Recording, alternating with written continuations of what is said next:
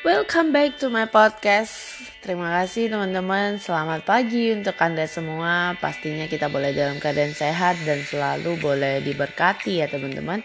Dan teman-teman hari ini tidak terasa kita sudah memasuki uh, hampir di akhir weekend ya.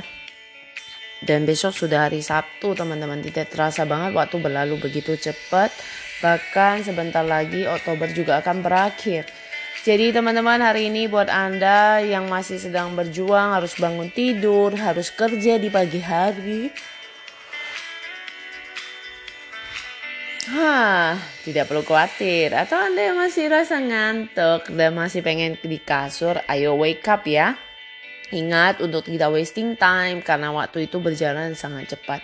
Lakukan yang terbaik, lakukan nikmati waktu-waktu ini dengan baik biarlah kita boleh terus diproses, terus dibentuk menjadi pribadi yang tough, yang terus boleh semangat terus berjuang dalam keadaan apa pun. Nah teman-teman terus ya jadi pribadi yang hebat yang bisa terus menginspirasi banyak orang. Kalau hari ini teman-teman masih ada yang merasa ke mana ya saya harus lakuin ini, gimana ya kehidupan saya ke depan dan sebagainya.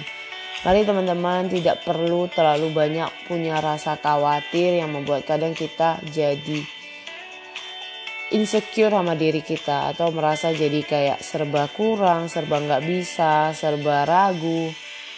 Lakukan saja semampu kita yang penting kita sudah do our best dan biarkan Tuhan yang terus hadir buat memimpin kehidupan kita dan walaupun rasa khawatir itu selalu ada ya apalagi di tengah pandemi ini tapi biarlah tidak membuat kita goyah begitu saja. Semangat pagi!